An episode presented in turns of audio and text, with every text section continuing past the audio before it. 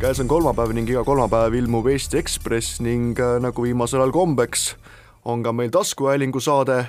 tänases lehes on pikk-pikk artikkel äh, Nissi terrorirünnakust, sellest, kuidas äh, kohalikud ning ka Eesti inimesed, kes seal kohapeal olid, nägid seda rünnakut ning kuidas nad seda läbi elasid.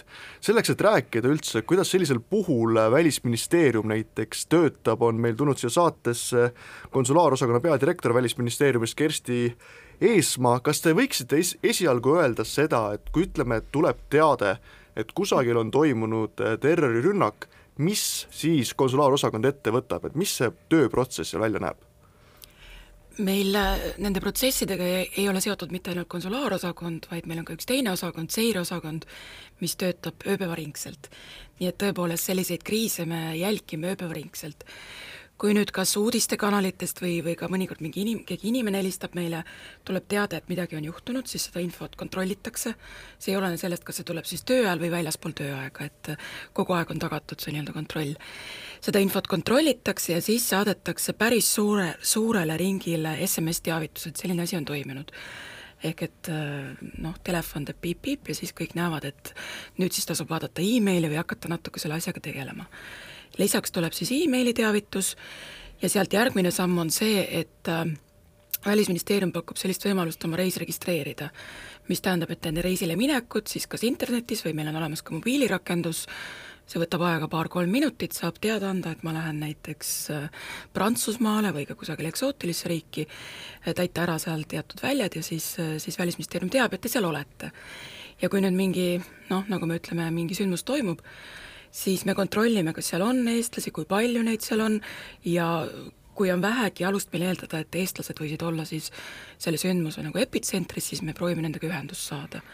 kui me ei saa nende endiga ühendust, siis siis selles samas registreerimise vormis on ka see koht, kuhu määrata siis, kes on lähedane isik näiteks Eestis või kontaktisik, siis proovime nende isikutega ühendust saada, kas nendele on lähedased teada andnud, nendega on kõik korras, et niimoodi see töö umbes toimub no kui Brüsselis oli äh, terrorirünnak, siis tegelikult Brüsselis on ju väga-väga-väga palju eestlasi mm, -hmm. kui kui palju te siis neid inimesi läbi pidite helistama, et äh, kui palju sellisel juhul näiteks äh, no ma ei kujuta ette, kui palju Brüsselis ühel päeval eestlasi olla, see on tõenäoliselt mingisugune neljakohaline arv või midagi sellist, et kas kõik siis need inimesed käiakse sealt läbi? meie saame siiski helistada ainult nendele või ühendust võtta nendega, kes on ennast registreerinud. et Brüsselis neid registreerunuid oli väga vähe et äh, noh, pole, kui ma võtan niimoodi riigiti, siis kõige rohkem registreeritakse meil Türki. et ollakse harjunud, et noh, Türki reisitakse palju ja teiselt poolt nüüd viimase aja sündmused viitavad sellele, et seal toimub midagi kahtlast, et Türgi registreerimine on läinud populaarsemaks, et seal võib-olla on korraga viissada inimest. aga ütleme, Euroopa riikides ka, ka Nice'i puhul oli see arv väga väike et jäi alla kümne, et selles mõttes see, see arv, kes tõepoolest registreerib ennast Euroopa riikides, on väga väike. kas te saate see... selgitada lähemalt, kuidas info kontrollimine käib, siis ma nüüd hetkel ei saanudki aru, ütlesite, et te kontrollite infot, aga kuidas te seda teete e? me, me kontrollime seda, noh kui, kui näiteks helistab kodanik ja ütleb, et äh, ta on, ma ei tea, mingis Saksa linnas ja ta kuulis tulistamist mm, -hmm siis äh, me päris selle peale nagu sellist SMS-teavitust välja ei saada. et ega me peamiselt pressis seda kontrollimegi, vaatame, mis toimub BBC-s, CNN-is, ainult pressist või? sellel hetkel küll ainult pressis, jah hmm. et sellel hetkel me ei saa, kui me hakkaks seda ära ootama, et me näiteks võtame ühendust kohaliku välisministeeriumiga või politseiga, siis see teavitus jääks juba hmm. ajale jalgu, ma julgeksin öelda äh,. Te mainisite, et umbes kümmekond inimest oli Nice'is ennast registreerunud, koha peal tegelikult neid inimesi oli ju vähemalt kümme korda rohkem äh, kuidas siis nende inimeste ülesleidmine käib?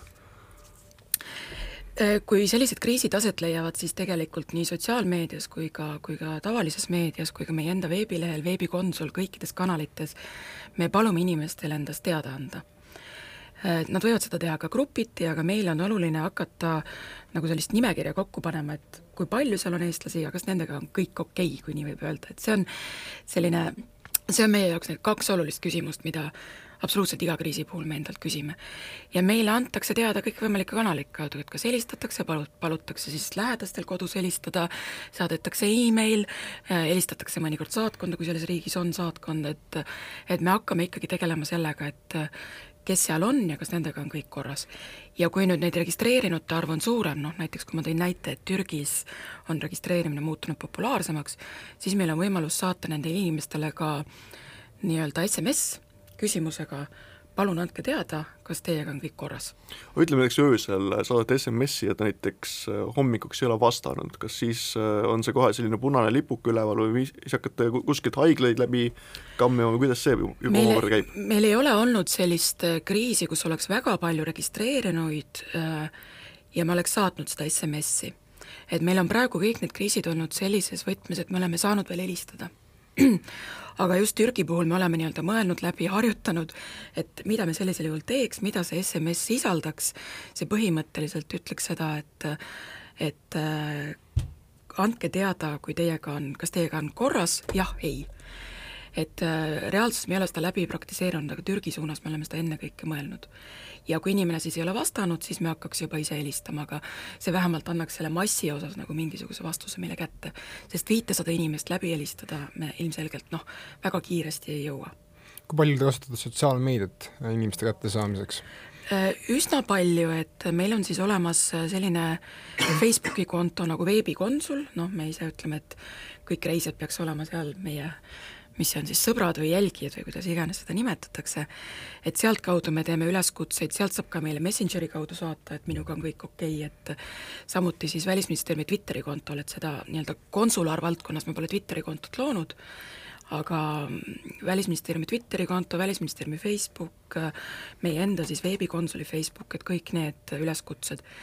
ja meil on olemas ka mobiilirakendus, mida me siis äh, noh, ütleme pidevalt ka arendame, et mida rohkem seda me näeme, et alla laetakse, seda rohkem on mõtet seda arendada, et praegu on sinna siis planeerimisel ka nupukene, kuhu inimene saab sarnaselt Facebookile vajutada, et I m okei okay,, nagu Facebookis me oleme harjunud kriiside puhul luuakse need, et ka siis need inimesed, kellel see rakendus on alla laetud, nad saaks, saaks sellele nupukesele vajutada ja see teade jõuaks siis meie andmebaasidesse. antud juhtumi puhul oli kõige suurem äh, kriitika Välisministeeriumi suhtes see hetk, kui tuli, vist oli pühapäeva õhtul või millal see teade tuli, et kõikide inimestega on saadud ühendust ning äh, justkui, et tegelikult äh, ühtegi hukkunut ei ole, on ainult haiglas inimesi. millest selline äh, möödarääkimine või selline infomüra tuli, siis tegelikult nagu tänasest loost lugeda võib, siis äh, selle õnnetu noormehe sõbrad ju nägid kohe ära, et tegelikult Rikard on surnud.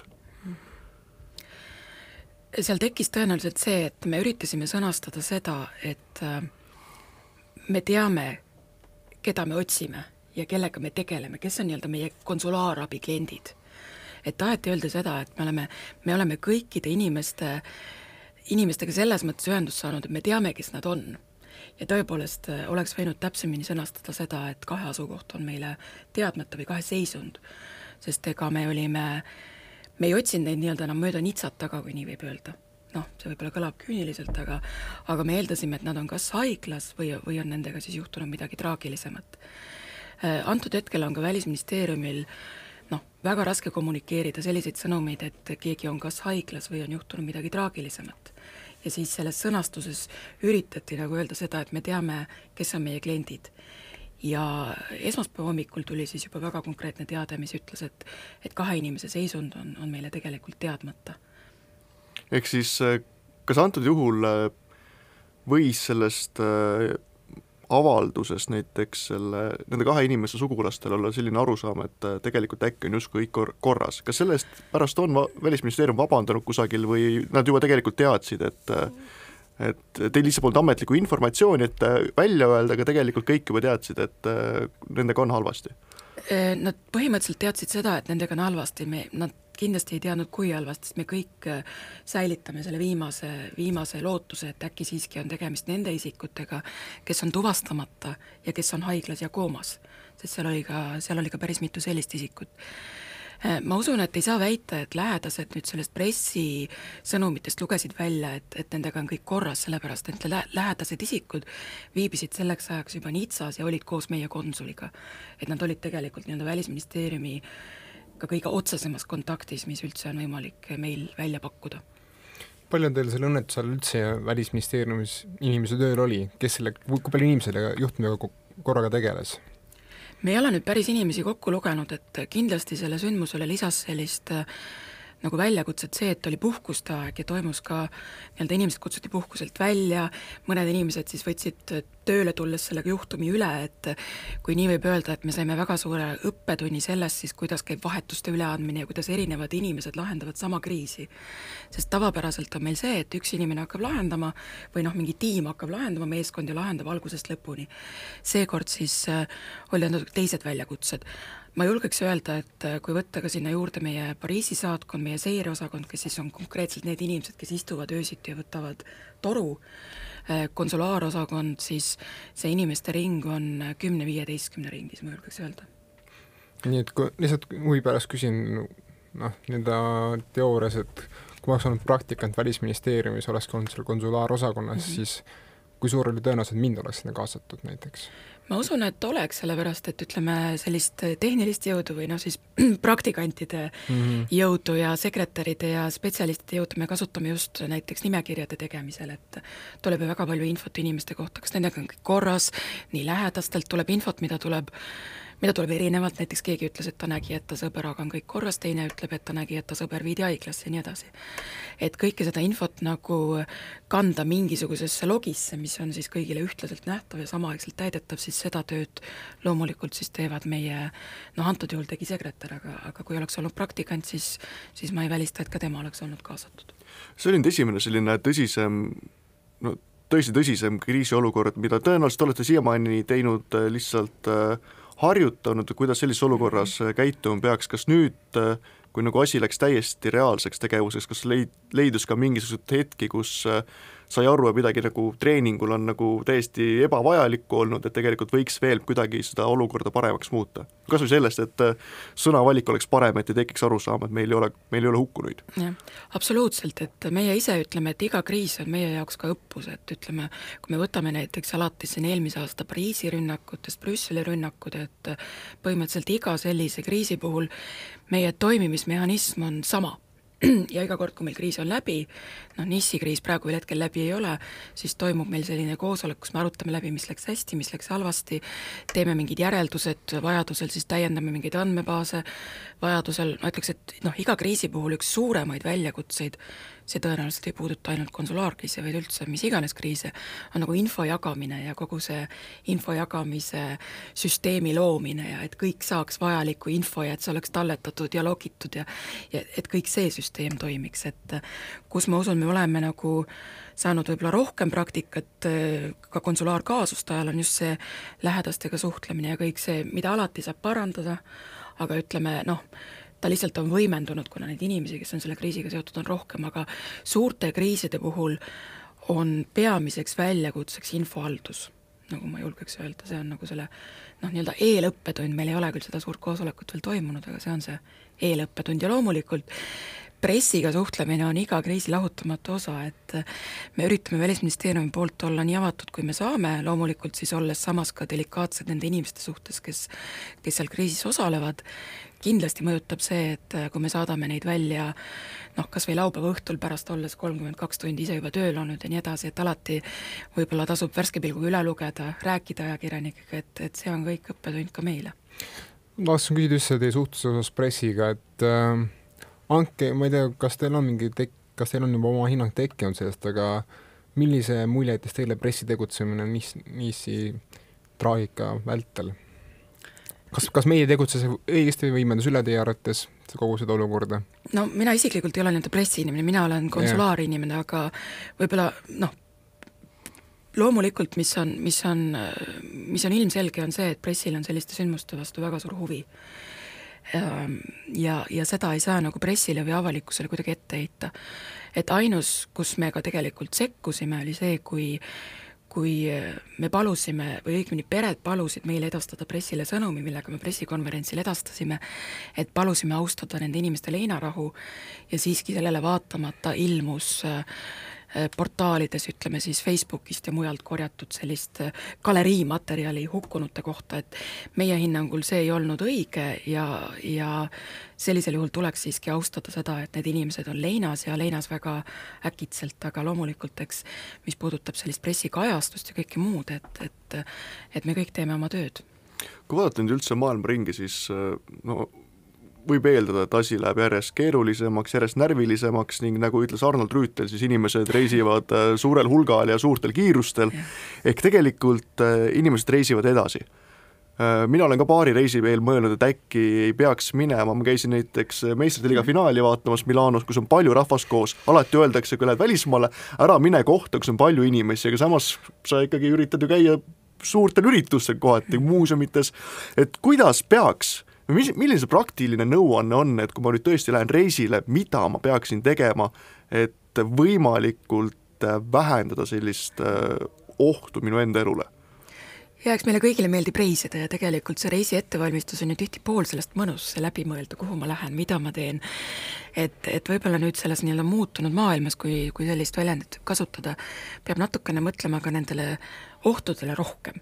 Et mitte ainult sellele, et oh, seal on äge muuseum ja see hotell näeb päris kihvt välja, vaid ka sellele, et, et lugeda üle siis näiteks Välisministeeriumi reisiinfo selliste hoiatuste poole, poole pealt, mida ma alati soovitan, on see, et kui on tegemist nüüd natuke eksootilisemate riikidega, eriti siis riikides, kus Eestil ei ole saatkonda, siis ilmselgelt Eesti reisihoiatuse tase, Eesti Välisministeeriumi reisihoiatuse tase ei saa olla nii detailne. et keelepõhiselt ma ise soovitan lugeda siis äh, UK või ütleme siis Briti reisihoiatusi, inglise keel üldjuhul on meile nii-öelda mõistetav ja neil on väga head reisihoiatused terve, terve maailma kohta. ja nendele, kes siis soome keelt oskavad, et Soomel on ka siiski päris hea saatkondade võrgustik, et et lugeda üle nende reisihoiatusi, just et mida seal, mida seal vältida, et noh, kas Hiinas vältida näiteks, ma ei tea, teetseremooniale kutset, kuna see võib lõppeda sellega, et teilt küsitakse kakssada eurot kuskil nurga taga. et need kõik ei ole seotud terrorismiga, vaid need on ka sellised nii-öelda noh, muud hoiatused. loomulikult võib lugeda Lonely Planetit ja, ja guugeldada ja Trip.ee, kõiki neid me ka samuti soovitame, aga just pöörata selle positiivse asemel või positiivsele lisaks, kui ma nii võin öelda, ka sellele võimalikele ohtudele ja tõepoolest, Välisministeerium mitmetes reisihoiatustes ütleb, palun vältige massiüritusi, aga samal ajal ma saan ka aru, et ma ei saa öelda, et jah, minge reisige Istanbuli, aga ärge küla, külastage ühtegi vaatamisväärsust. kas Prantsusmaal on näiteks niimoodi, et on praegu Välisministeeriumi kodulehel kirjas, et ärge minge suurele kontserdile või ärge minge rah-, äh, suurtele rahva, rahvakogunemistele? meil ei ole päris nii kirjas, aga meil on selline ettevaatlikkus, rahvakogunemised, meeleavaldused, kõik, kui on näha, et see ei ole enam nagu tavapärane, et me ei ütle inimestele, ärge minge kontserdile, aga me ütleme, et kui te näete tänaval meeleavaldust, siis minge sealt kiiresti minema. ärge filmige, ärge pildistage, et see on vist just on lootuseta ettevõtmine, kui vaadata sotsiaalmeediast leivaid maineid. no sellepärast me teemegi seda, et, et inimestele meeldib nagu saata ajalehtedele, et oo, ma olen siin ja ma pildistan ja midagi toimub ja see on äge ja ma olen sel-, nagu sündmuste keskpunktis. aga noh, võib-olla kui inimene ennem natukene mõtleb, et et noh, sellega, sellele võib järgneda midagi aga noh, ütleme see reisihoiatus, see valmistab inimest ette, aga võib-olla ka läbi mõelda siis see, et mida ma teen selles olukorras, kui ma kuulen näiteks tulistamist? Jookse ruttu? kas jooksen, varjun, et nüüd me koostöös ka Teabeametiga ja Siseministeeriumiga oleme välja töötanud sellise tõesti nagu värvilise joonise, mis, mis kohe-kohe peaks ka igale poole meie kodulehtedel üles minema, et et inimene mõtleks, noh, kas või see, et näiteks kui on mingi rünnak ja te varjute kusagile et siis lülitage telefon vaikse peale ja võtke telefonil see hääl maha. et ei ole mõtet varjuda, kui samal ajal keegi teile lähedastest üritab helistada ja ja te tegelikult see ei varja, et noh, sellised väiksed näpunäited, et enamus riike on seda, seda teinud oma kodanike jaoks ja ka meie leidsime, et nüüd on see õige aeg seda teha, et ma tean, et vist koolides harjutatakse ka lapsi nii-öelda sellise kooli tulistamise jaoks käituma, aga ma arvan, et iga Eesti kodanik vajaks ka sellist läbimõtlemist, mida siis teha, kui satutakse näiteks terrorismirünnaku keskele registreerimisest me juba rääkisime, et tõepoolest siis, kui, kui varasemalt iga päev oli umbes noh, ütleme keskmiselt kolmkümmend kaheksa inimest, kes kes registreeris oma reisi Välisministeeriumis, siis nüüd juba kuuskümmend kuus inimest päevas keskmiselt teeb seda, et me nagu jätkuvalt soovitame kriiside puhul anda meile teada, kas teiega on kõik korras. Äh, kahjuks ei saa ka üle ümber sellest reisikindlustusest, tundub, et see on nii tavaline juba, et me teeme reisikindlustust.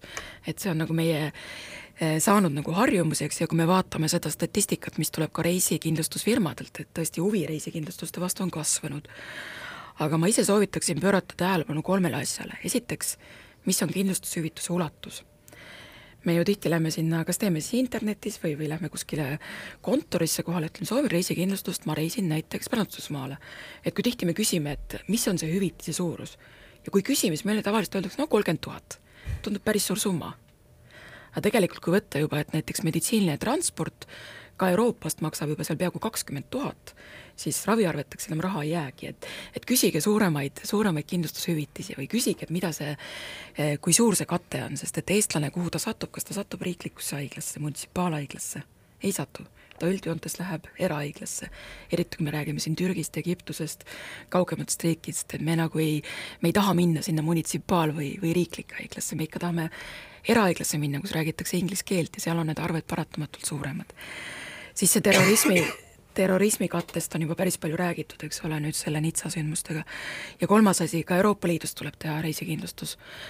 Euroopa Liidu ravikindlustuskaart küll katab nii-öelda raviarved, aga ta ei kata siis meditsiinilist transporti ja visiiditasu ja haiglatasusid osa, et ehk siis, kui midagi juhtub ja sul ei ole seda kindlustust, siis äh Äh, Euroopa Liidus, et sa siis põhimõtteliselt istud seal või lamad seal haiglas nii kaua, kuni sa enda jala alla saad ja saad ise lennata? kas see või siis tuleb enda tuttavatelt, tuttavatelt sõpradelt see viisteist tuhat või kakskümmend tuhat kokku laenata? aga kui sul ei ole seda raha võtta mitte kuskilt, mis siis saab? No siis on, siis võib pöörduda kohaliku omavalitsuse poole, aga, aga põhimõtteliselt see on iga inimese ju enda vastutus siiski, et et siis ta lihtsalt peab nii kaua seal ootama, et ma mõtlen, et inimene läheb reisile, tal on umbes nagu vara või nagu mingi noh, ütleme, ütleme nii, et tal pole nagu ka jõukaid sõpru ega perekondi, ta temaga satub mingi õnnetus, tal pole ka kindlustust, ta on ropult võlgu haiglale, mis temaga nagu siis saab, et mis sellest inimesest nagu, kas Eesti riik tuleb talle appi veel kuidagi või ei tule? No Eesti riik tuleb selles mõttes appi, et me üritame leida neid vahendeid mm.. et meil on olnud siin üks juhtum, kus tõesti arve oli rohkem kui sada kakskümmend tuhat, äh, sealhulgas siis meditsiiniline transport. see oli Türgi juhtum? ei olnud Türgi juhtum. see oli veel üks kaugem juhtum. ja sellel inimesel ei olnud kindlustust, ta vajas äh, Austraaliast siis meditsiinilist transporti, meditsiinilist saatjat lennukisse, et et tegelikult äh, välisministeerium siis nii-öelda kõikide vahenditega proovis leida sponsoreid, meie kohapeal aukonsul tegi heategevuskontserdi, et noh, kõik sellised võimalused, aga ütleme, eelkõige on see inimese, inimese enda vastutus ja ja ütleme noh, antud juhul oli selge, et ükskõik kui kaua ta seal haiglas on, ta ei saa tavalise lennukiga lennata, aga tavaliselt oleks meie vastus, et te olete seal nii kaua, kui olete, te võtate pangalaenu, müüte maha korterina, mis iganes, et, et nii, nii see asi käib, kindlustus lihtsalt niimoodi toimib, et tagantjärgi seda sõlmida ei saa. kui tihti selliseid juhtumeid ette tuleb üldse, et äh, inimene on ilma kindlustuseta ja on probleemidesse sattunud, sest äh, noh, tavaliselt inimesed mõtlevad, et ega, ega minuga ei juhtu ju mitte midagi mm. -hmm. kas see on igapäevane või on see ikka selline kord kuus tuleb selliseid õnnetuid inimesi ette? ta ei ole igapäevane, et ma ütlen, et õnneks eestlaste selline kindlustusteadlikkus, reisiteadlikkus on kasvamas võib, võimalik, et ka need juhtumid, mis on saanud pressis kajastus, siin üks Tai juhtum oli eelmine aasta, et et see nagu tõstab inimeste teadlikkus ja tegelikult see poliis ei maksa ju nii palju, eks ole, võrreldes selle reisi enda maksumusega. ma olen riigiametnik, ma kindlasti ei taha teha reklaami kindlustusfirmadele, aga aga lihtsalt noh, kui need kaks summat panna kõrvuti, et kui palju maksab, ma ei tea, kahenädalane reis Austraaliasse ja kui palju maksab see poliis, et need on täiesti erinevad suurusjärgud. aga neid juhtumeid esineb ja iga selline juhtum Välisministeeriumi jaoks on väga keeruline ja palju töötunde nõudev. kas, kas ma... te olete iseenda reisiharjumusi muutnud, käite näiteks vähem reisimas nüüd viimase paari aasta jooksul, kuna noh, alati ka mõtled, et kas, kas ikka tahaks sinna Pariisi nüüd minna. see Euroopa kui... muutunud ka kuidagi ebastabiilseks, Türki tahame hoopis minna. ma olen, ma olen muutnud selles suhtes näiteks, et äh, minu abikaasa, kes on selline tüüpiline eestlane, kes, kellega kunagi midagi kellega kunagi midagi väidetavalt ei juhtu, nagu te ütlesite, et äh, ma teen talle ise selle reisikindlustuse, et naiste asi on oma meeste eest hoolitseda. ta küll no, iga nii, kord ütleb, et Virginia Woolf on väga-väga pahane ta küll iga, iga kord ütleb mulle, et kui ta läheb Rootsi, siis, siis seal ei juhtu midagi, aga aga ütleme, see on minu isiklik selline kogemus, kus ma nagu ütlen, et ei, sul on vaja see reisikindlustus teha. teine asi tõesti, et äh, ma olen märganud, et kas või tööreisidel Brüsselis või ma olen nagu tähelepanelikum metroos, tänaval, ma nagu märkan rohkem asju. mulle nagu tundub, et ma pööran rohkem ise tähelepanu. ma ei ole ühtegi reisi ära jätnud, aga aga võib-olla ma mõnesse sihtkohta, kus ma varasemalt oleks läinud, olen käinud, et ma olen selle asendanud mõne teise sihtkohaga. kas te täna Türki läheksite? ma väldiksin Türgis võib-olla seda suurlinnade regiooni okay suur aitäh, Kersti Eesmaa, et aega leidsite, et rääkida, kuidas täpsemalt peaks välismaal praegusel raskel ajal käima. saate teises pooles äh, tuleb tükk maad lõbusamal teemal juttu, nimelt saabub meile stuudiosse Eesti kõige nõrgema jalgpallimeeskonna üks kõige nõrgemaid mängijaid ning räägib sellest, et kuidas niimoodi jalgpalli mängida on, et kahe aasta jooksul mitte kordagi võitu ei saa. suur aitäh! aitäh teile!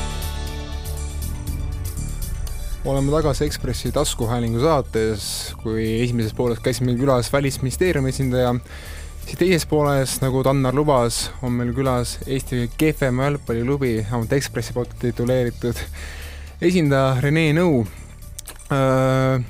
Rene, räägi siis, ma vähemalt pean kasutama selle võimaluse ära, kasutada seda spordiajakirjaniku klišeelist küsimust, et mis tunne on kaotada kogu aeg no me ei ole kunagi võitnud, mul ei ole võrdlusmomenti. Aga praegu on meil nii, et hoiab motivatsiooni alati üleval, sest me läheme igat mängu võitma, aga noh, tuleb välja nagu ikka. et see on ainuke tunne, mis on praegu, et tead, fun no kui ma vaatan sotsiaalmeediasse, siis äh, sportlase vastus selline. kui ma vaatan sotsiaalmeediasse, siis äh, see lugu on kasvatanud äh, karskluse fänne vähemalt kahekordseks, et kas on tulnud juba ettepanekuid sõprusmängudeks või näiteks äh, mõni inimene tahab tulla teie, teie klubisse juba mängima ka nüüd? jah, tahab mingi teha kõvemaks ja ründeliini näiteks. ma ei ole veel kätt pulsil hoidnud täna, ma ei ole meile lugenud, aga ei, see on väga hea, me planeerisime küll seda, et see on nagu värbamiskampaania osa ja saame fänniklubi ka käima tõmmata. mida te pakute fännidele, kes, kes nüüd liituvad, et mis on see nii-öelda karskluse garantii? No Uber on esimese koha peal praegu, et me vaatame fännisärke hiljem. Mis siis saab, kui te enam, kui te korraga võidate, kas siis nagu kaob justkui selline meeldiv aura ära, et nüüd äkki ei olegi enam kõige, kõige nõrgem võistkond, olete selline tavaline Rahvaliiga võistkond? no eks me läksime eelmine aasta sama mõttega nagu hooaega mängima, et noh, play-off'id olid eesmärk, aga noh, see viimane koht seal alagrupis, see tuli nagu ikka, et noh, plaan on ikka jõuda play-off'i, et see ei muuda, suurt ei muuda midagi. nii et Karlsluse suurem eesmärk on lõpuks jõuda play-off'i ja kas ka lõpuks, kas, ütle ausalt, kas sul on ka kunagi plaanis võita Rahvaliiga ära? meil on üks praegu mängiv kaitses üks endine Rahvaliiga võitja, et neil noh, kompetents muudkui tuleb ja noh, nagu Roomat ehitati ka ühe päevaga, et me ikka jah, ma arvan, et me seal äkki medali kohale hakkab üks hetk jõudma. noh, kui palju teil üldse mängijaid on võistkonnas? oli vist kolmkümmend ligikaudu numbritega? särk on kolmkümmend ja nad on kõik jah, meeskonna liikmed. ma ei tea, aktiiv on äkki viisteist. ja kui palju nendest siis üldse on neid mängijaid, kes omal ajal, kui see klubi alguse sai, et juba siis sinna klubisse kuulusid mm,? äkki kümme, midagi sellist, kümme-kaksteist inimest. et tulevad uued peale, kes järjest muudavad meeskonda paremaks mm,? Oota, las ma mõtlen korra, kas on tulnud ühte kuud, kes on kehvemaks muutunud, vast ei ole, ikka paremaks läinud, jah. kas sa mäletad alguses, kas sa mäletad alguses, et mitte ükski sööt ei olnud kohale või oli ikkagi olukord veidike parem või tõesti oli see pigem nagu meenutas sellist nii-öelda kaost väljakul? no söödud ei lähe ka praegu eriti hästi kohale, aga see tuli jah niimoodi, et kui me alustasime mängimist, et see noh, jah, kaos ta oli kusjuures kaootiline, ta võib jah, vastast heidutada küll, selline kaootiline mäng, aga jah, siis ei olnud nagu noh, seal mängupilti sellist asja pole olemas olnud, aga mingi paari kuuga meil hakkas juba niimoodi minema, et noh, oli algul paar virtuoosi, kelle käest palli põhimõtteliselt ei saanud kätte, et noh, tulid igalt poolt läbi, hakkasid sellised asjad tekkima, väiksed oskused, et noh, ta ei ole raske mäng, et äh, läheb, läheb niimoodi kahe kuuga saavutab ikka inimene maksimumi ja siis on tähtis asi seda lihtsalt hoida, seda oma vormi no.. Mm -hmm. kui esimesele mängule läksite Rahvaliigas, no ma olen elus käinud ka nooremana palju võistlustel ja alati mõtled, et nüüd, noh nüüd tuleb ja nüüd hakkame panema. aga tavaliselt niimoodi välja ei tule, mis tunne siis oli, kui esimene mäng tuli ja korraga hakkasid väravad sisse minema, enda mitte midagi välja ei tulnud? Kas teil oli lootusi ka, et äkki läheb hästi, äkki võidate kohe isegi või jaa oli..., muidugi oli, me, meil ju need, mingi paar tüüpi oli seal varem mänginud kuskil neljandas liigas, nii et noh, nad, nad teavad, mis jalgpall on, et noh, muidugi me mõtlesime, et siin äkki mingi neli-null, viis-null võit tuleb, aga jah, reaalsus, kas ta nüüd väga kurvastanud oleks, me tegime varem mingisuguseid harjutusmänge ka niimoodi nagu noh, kuidas kontrollmäng, et eks me sealt juba ka saime nagu niisuguse vihje kätte, et mis tasemel me võime mängida, aga noh, esimene mäng oli see, kus juhtima läksime, pagan, ja, ja ei, kus ma nüüd oot-oot-oot, las ma sõnastan selle natuke paremini ümber. ei, mingit tagasilööki ei olnud pärast esimest mängu, et noh, me enam-vähem teadsime, mida me liigas seal võime saavutada. kas ajapikku on kuidagi muutunud ka vastaste suhtumine teisse, kas teie käib ju kaasas ka aura, et oh, see nüüd jääb karstust, nüüd neid me paneme nagunii ära et.... meil jah, mingi maine on, käib eespool, et ta on tekkinud, võib-olla meeskonna nimi on ju selline noh. Mm noh, viguriga, et võib-olla see juba vastas mõtlevad, aa, mis nemad ka on, et noh, ma olen ka lugenud nii paljudel kui vastastel on Facebooki lehte niimoodi, et noh, mida on mängus kirjutanud ja seal kas võib-olla äkki kuskil eelmise aasta hooaja lõpupoole siis juba hakkas sellise noh, ärapanemise asemel ütlema, et näe, kuule, nad tegelikult ikka liiguvad küll, et oskavad kaitsta, meil väravat on juba isegi kiita saanud, et ja noh, mul nagu noh, kuidas öelda, et kui öelda, et Rahvaliigas on teised meeskond hakanud asju professionaalsemalt mõtlema, et siis isegi meisse hakatakse suhtuma päris professionaalselt nüüd. no Rahvaliigas on alati kõige olulisem detail see, et kus juhtub midagi naljakat, no alastiilis, et mängitakse Äh, väljakul, kus on maakivi keset väljakut ja nii edasi, mis teil on selliseid pooleteist aasta jooksul, hooaja jooksul olnud sellist kõige meeldejäävamat hetke, et kus kohas on mängitud või kes on vastaseks olnud hmm.? Ma ise käisin koolis sellises kohas, kus tamm kasvas keset staadionit, et noh, ma olen kõike näinud, jaa. Yeah.. see jälle kas see oli kaitses kasuks näiteks, et äh, või ta oli ründes kahjuks, aga ma ei saa öelda, see kaitses kasuks oleks olnud.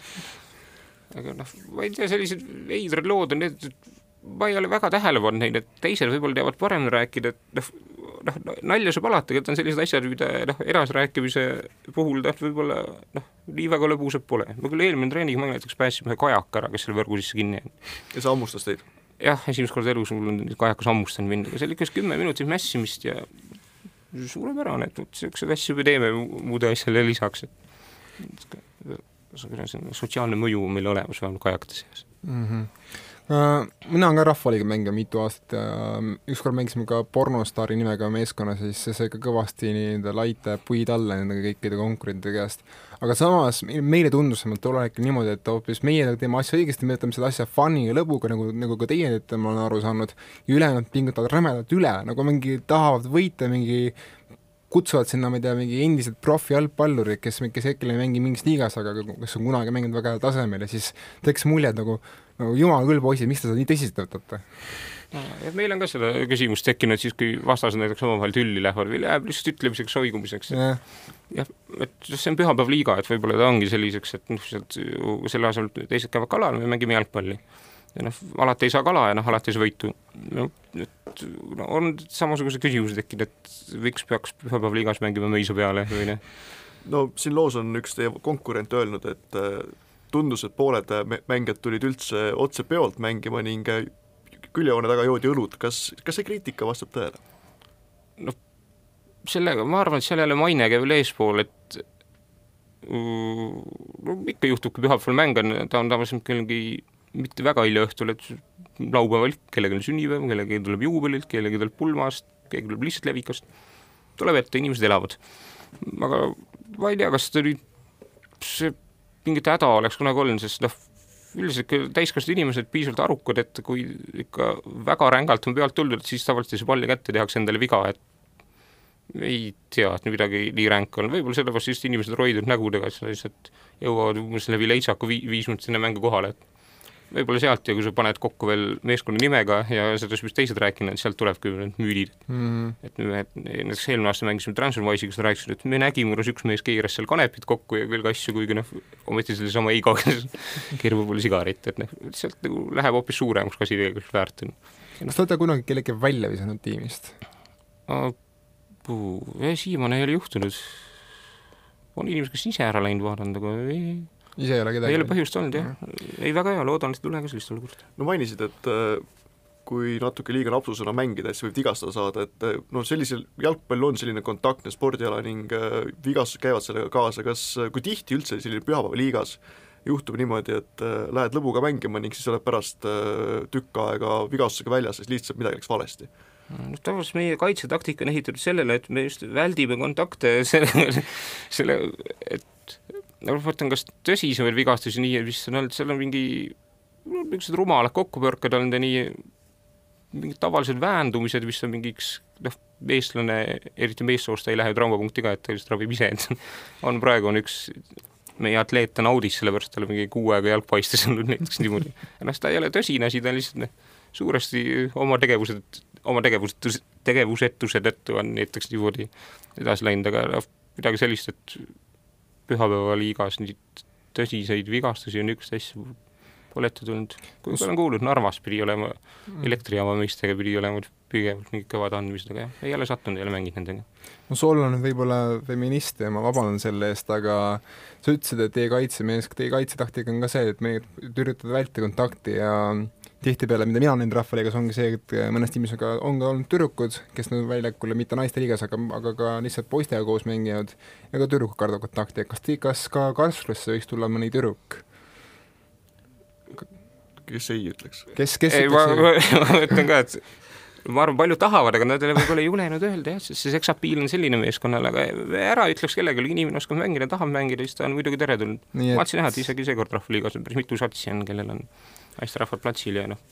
no arvestades teie ootamatut või mitte eriti ootamatut populaarsust, et millal on järgmine karskluse mäng? aa, homme Viimsis kell pool seitse. kas see on liigamäng või sõprusmäng? liigamäng, jah. kelle vastu te mängite? uh, uhuu, mis see meeskonna nimi on? olete varem ka nendega mänginud? ei ole, Linnujalad on meeskonna nimi. Nende kohta on ka raske luureinfot leida, aga ei ole varem mänginud, ei tea, ei oska midagi oodata. oota, nüüd teedete ka luureinfot või? noh, guugeldame ja kui ma aru saan, siis on teid ka vaatamas käidud enne, enne mängu treeningul näiteks, et äh, kui sa, kui tavaline see on, et näiteks mingisugune vastasmeeskonna esindaja tuleb ja vaatab reaalselt üle, et mi-, mida kuradit need karsklased seal treeningul teevad ja kas nad üldse mängida oskavad? no mina olen kaks korda nagu hiljem näod kokku viinud, aga lehest lugesin jah, et isegi näiteks ma ei teadnudki, et seesamune Wolfi atleedid on luuret teinud, tuleb välja, et on tavalisem, kui ma oskasin arvata. noh, kuigi jah, ma ei tea, kas see info nüüd midagi neile väga palju annab, aga noh, võib-olla saavad siis lõure naerda. kuidas üldse mis on kõige suur, suurem probleem Rahvaliiga meeskonna jaoks, kas see, et mängijaid kokku saada, leida treeningplatse või tavalisi mänguplatse, saada kokkulepet vastasmeeskonnaga mängudeks, mis selline kõige suurem probleem on? kuule, need umbes ongi need tavalised probleemid, niisugused noh, organisatoorsed küsimused ikka, et täpselt ongi, et noh, noh platsi leiab alati, aga õigel ajal ei leia platsi, et näiteks kui sa mängid pühapäeviti, näiteks kell neli on väga võimalik platsi saada, noh, pühapäeval kell neli, kes siis tuleb mängima, tavaliselt väga vähesed. laupäeval pole mõtet unistada mängimiseks, eks ole, et noh inimestel on ikka noh, oma elu, et noh, platsidega on nii, noh, neid on küll loetud arv, aga noh, alati leiab, kui on tahtmine mängida, leiab platsiga. sellega ei ole muret, et võib-olla jah, et see on, et see suhtlemismoodus seal on läbi meili ja ta on niimoodi, et noh, sa pead nii palju, no kas neid nii palju on, need on kaks-kolm asja, mida sa pead ajastama ja kokku leppima, sättima, aga noh, seal on ikkagi noh, arvestades asi on hobistide tasemel, et seal on päris palju määramatust, et sealt tuleb nii, et noh, kui sa lepid nädalaga taga varem mängu kokku, et on võimalik, et näiteks sama päeva hommikul öeldakse, kuule, me ei saa meeskonda kokku, aga noh. no rahv-, Rahvaliiga plussid on see, et, et sa mängid jalgpalli rahus ja saadki kokku võib-olla sõpradega, kui palju on sul tekkinud karsklusest uusi sõpru?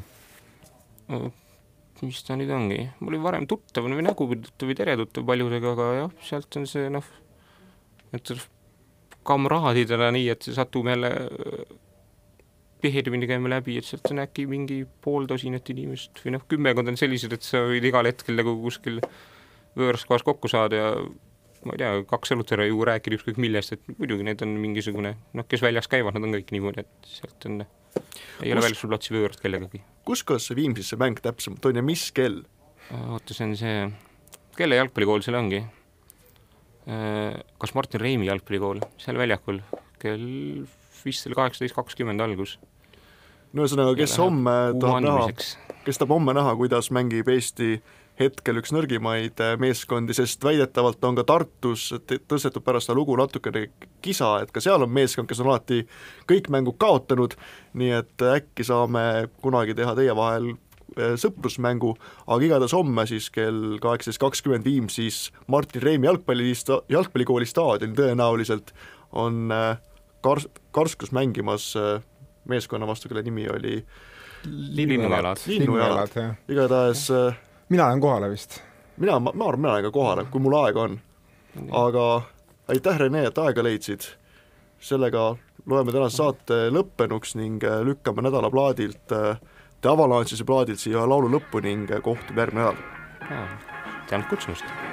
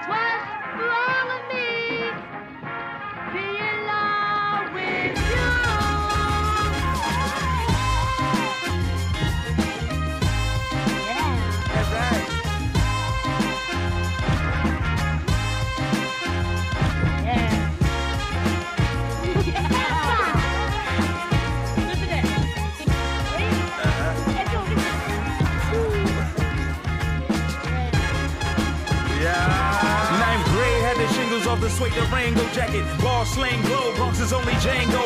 Snappy a golfer stopper, that's where my pops go. That's where my pops went. See my percentages are pinned to the planet. Knock it out the ballpark, frank it. I should not tie this tie to a metal log. Let the wings spread. It'll always come back, baby.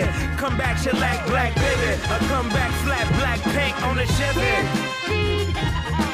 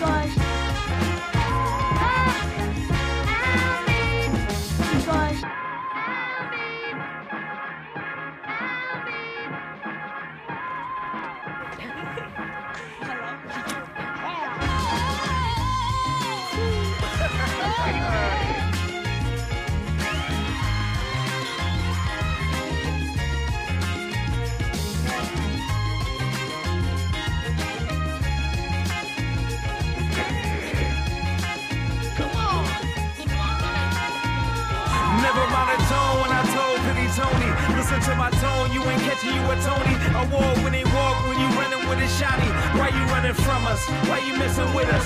We ain't got no guns, we just let the bears witness the grizzly. Maybe polar. You ain't ready, you ain't ready, ready, roll up. Pull up machete, cut the bamboo paper. Let's roll out, baby. loud. Frankie.